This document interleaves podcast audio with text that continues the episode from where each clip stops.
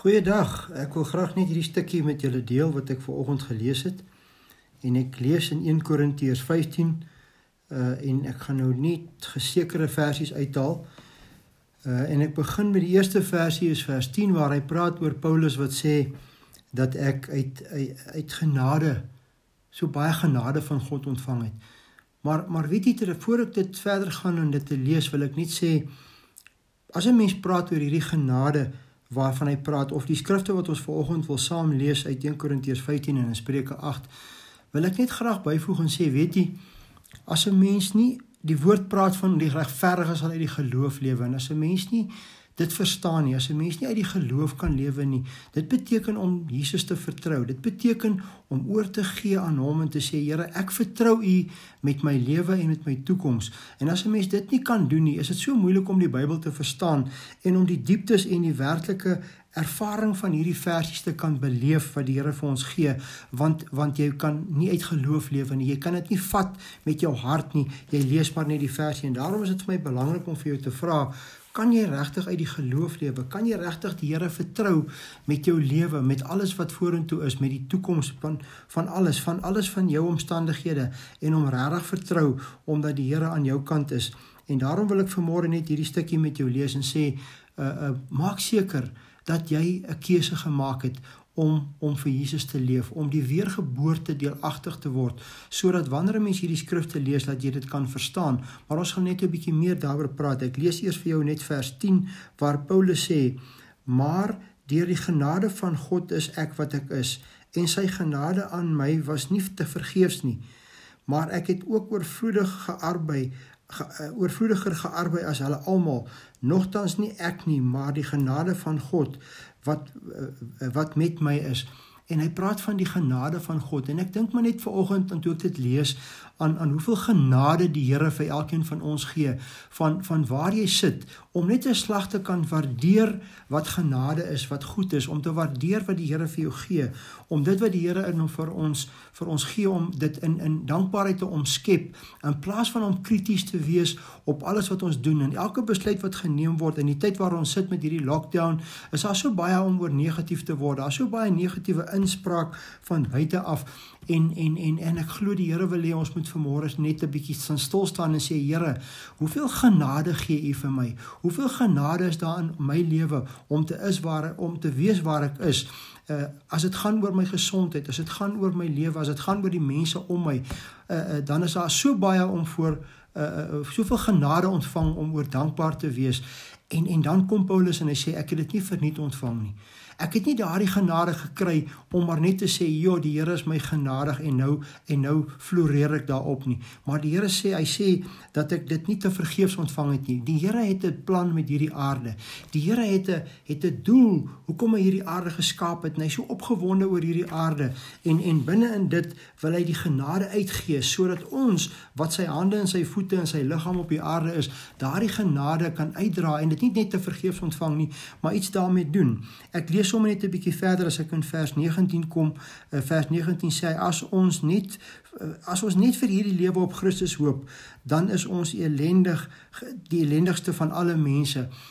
En ek besef die Here sê om om my om my lewe aan Jesus oor te gee, is nie net vir nou om hier waar ek nou leef op hier in hierdie lewe Jesus te ken kan ken nie. Dit gaan baie verder as dit. Dit gaan tot in die ewigheid in om eendag as hy weer kom om opgewonde te wees en om te weet my toekoms is in Jesus, nie net op aarde nie, maar vir altyd. Dis nie net vir nou vir die omstandighede waarin ons sit nie, maar dit is vir 'n ewigheid wat hy dit sê.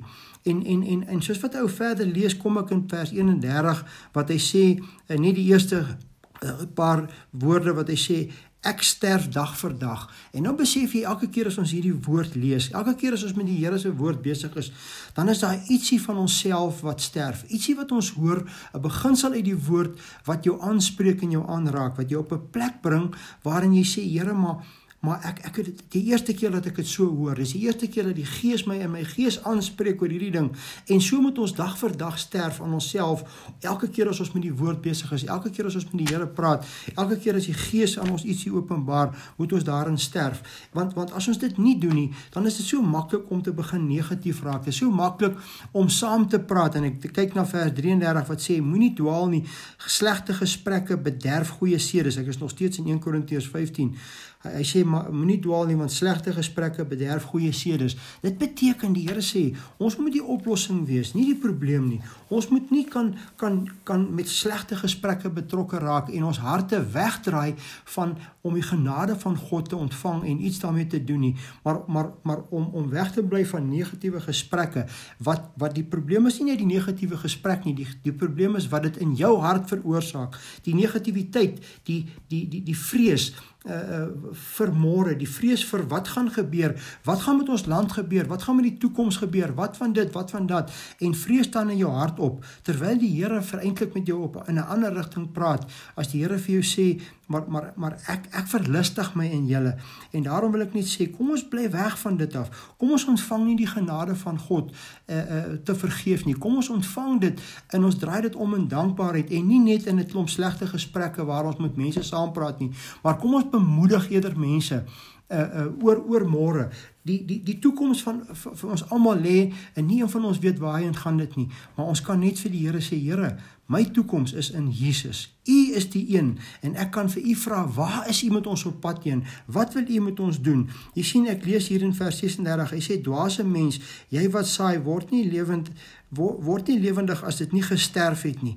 Met ander woorde, hy sê iets moet eers sterf voor dit kan lewe. En en dit bring my by die vraag, dit bring my by die gedagte wat ek sê, maar maar maar is daar die die die die, die ons land is hy nie is die omstandighede waarin ons is nie besig om die land om die prioriteite die ordes in ons lewens van ons almal in die land te verander en dit te laat sterwe en ons uit 'n ander oog uit te laat sien sodat daar vrug uit voor dit kan kom. Sodat as alles net aangaan soos dit aangaan dan bly alles net dieselfde. Maar as daar 'n radikale ingrype is 'n afsterwe van iets 'n sterwe van die ekonomie 'n sterwe van van almal se se se wil van van om te maak soos ons wil dan dan dan is dit dalk die plek wat die Here wil sê, daar kom nuwe vrug uit hierdie sterwe. Daar kom 'n nuwe oomblik uit hierdie sterwe, want as ek lees hier in vers 42 sê hy, so so is ook die opstanding van die dode. Daar word gesaai in 'n in 'n verganklik in verganklikheid, maar word opgewek in onverganklikheid. Eh, daar word gesaai in in oneer, daar word opgewek in heerlikheid. Daar word gesaai in swakheid, daar word opgewek in krag. En dan besef ek, weet jy wat, die Here is besig om te saai.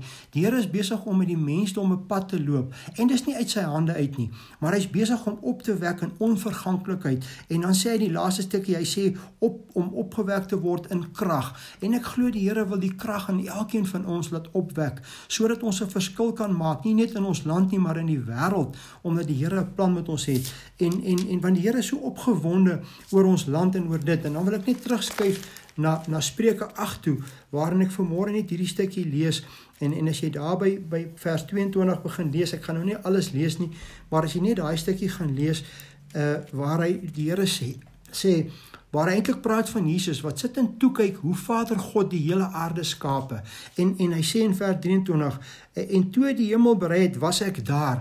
Jesus sê ek was daar. Ek het elke keer ek het gesien hoe hy die die die aarde skape. En as jy nou daai hele stukkie lees dan praat hy van die van die fonteine en van die wolke en alles op aarde.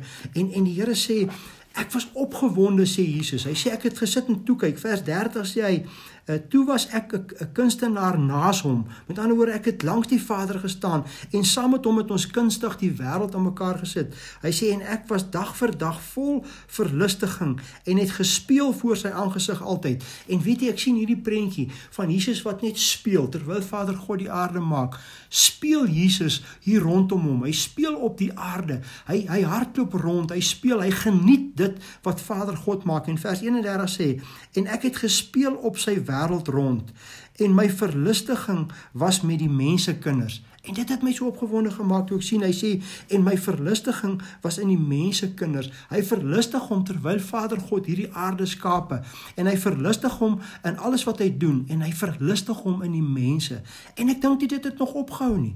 Ek dink God en en Jesus is nog steeds opgewonde en en Jesus speel nog steeds op die aarde wat God gemaak het. Ja, daar's baie goed wat nie binne God se plan is nie, maar weet jy wat? God het gekom vir elkeen. Hy sê vir almal wat hom aangeneem het, het hy die mag gegee om kinders van God te word en daaroor verlustig hy hom oor elke een wat 'n keuse maak op hierdie aarde om te sê maar ek het gekies om die Here te dien ek het gekies om die Here te volg ek het gekies om om om om die Here te soek in my lewe om deel te maak want hier in Spreuke 8 vers 35 sê hy want hy wat my vind het die lewe gevind en en uh, verkry 'n welbehaag van die Here. Hy sê as jy die Here gevind het, het jy het jy die lewe gevind. En dis wat die Here vir jou wil gee, is om te sê ek verlustig my in die mensdom. Vir elkeen wat my kies, is daar 'n opgewondenheid in die hemel omdat iemand sy lewe aan God oorgegee het. En ek praat nie van 'n hartjie vir Jesus gee nie. Dit het ek alself baie gedoen, maar daar was 'n dag in my lewe wat ek moes omdraai en wat ek in 'n in 'n in 'n kerkbank gesit het en en en gesê het, Here, ek Ek het my hartjie vir U gegee, maar ek het nog nie my lewe vir U gegee nie. Iewers moet ek 'n keuse maak om te sê ek wil my lewe aan U gee. Ek wil vir U lewe. Ek wil saam met U lewe. En hy sê hy wat Jesus vind het die lewe gevind en daar in daai kerkbank het ek Jesus gevind by myself sonder dat iemand my gevra of iets het al daar by myself het ek my keuse gemaak. En omdat ek nie gedruk was nie was dit my eie keuse om te sê Here ek kies U vandag om vir U te leef. En daar het ek die weergeboorte beleef. En dis wat die Here vir ons wil gee vandag. Dis wat die Here vir ons wil sê. Hy sê ek wil jou opwek in krag sodat jy saam met my kan lewe sodat jy soos 'n koringkorrel kan sterf soos wat hy vir ons in 1 Korintiërs sê wat hy sê is as, as, as, as hy wat in Christus is, het 'n nuwe skepsel geword. Die ou dinge het verbygegaan. Kyk, alles het nuut geword. Dit is die koringkorrel wat sterf en wat in 'n nuwe lewe opstaan, wat in 'n nuwe dimensie begin vrugte dra, want God het sê, ek het 'n welbehae in die mensdom. Ek speel op aarde. Jesus speel hier tussen ons en hy maak dit hy maak homself opgewonde en hy vra, kom ons word saam met hom opgewonde oor wat God vir hierdie wêreld beplan, vir wat God vir ons land beplan. Dit lyk miskien nou nie vir jou so soos wat jy wil hê dit moet nie. Maar ek wil vandag vir jou sê die Here het 'n plan. Vader God is besig met 'n plan en hulle is nog steeds opgewonde oor sy skepping. En en Jesus Jesus speel nog steeds rond voor die Vader se aangesig oor sy skepping en oor die mense kinders. Kom ons werk net saam en ons maak hierdie keuse om om die Here te kies. En jy daar waar jy is vandag, as jy na hierdie woord luister, is dit dalk vandag jou beurt om te sê ek kies. Het ek al gekies? As ek nog nie het nie, dan kies ek vandag om te sê, Here, ek gee my lewe vandag aan U oor. Ek wil net vir U lewe.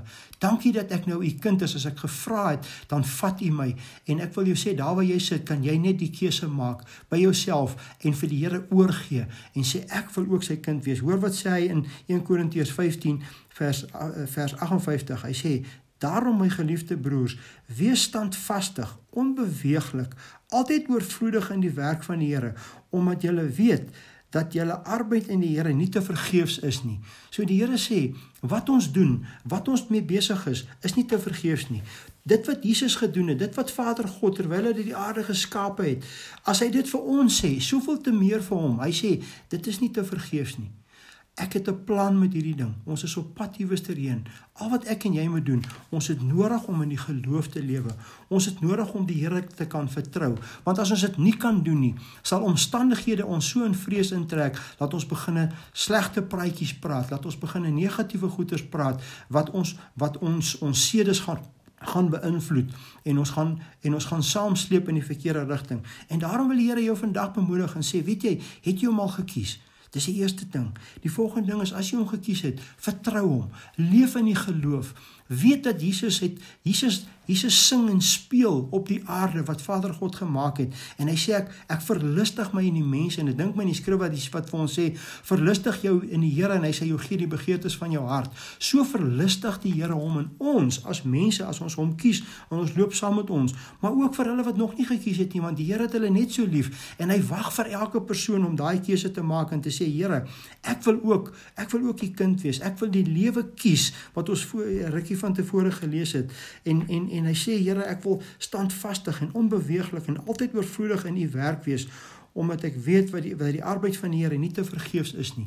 Mag die Here in jou hart werk dat die genade wat die Here vandag vir jou gee waarin jy sit, dat dit jou so dankbaar sal maak dat dat die genade wat die Here op jou uitstort nie te vergeefs sal wees nie. Kom ons bid saam.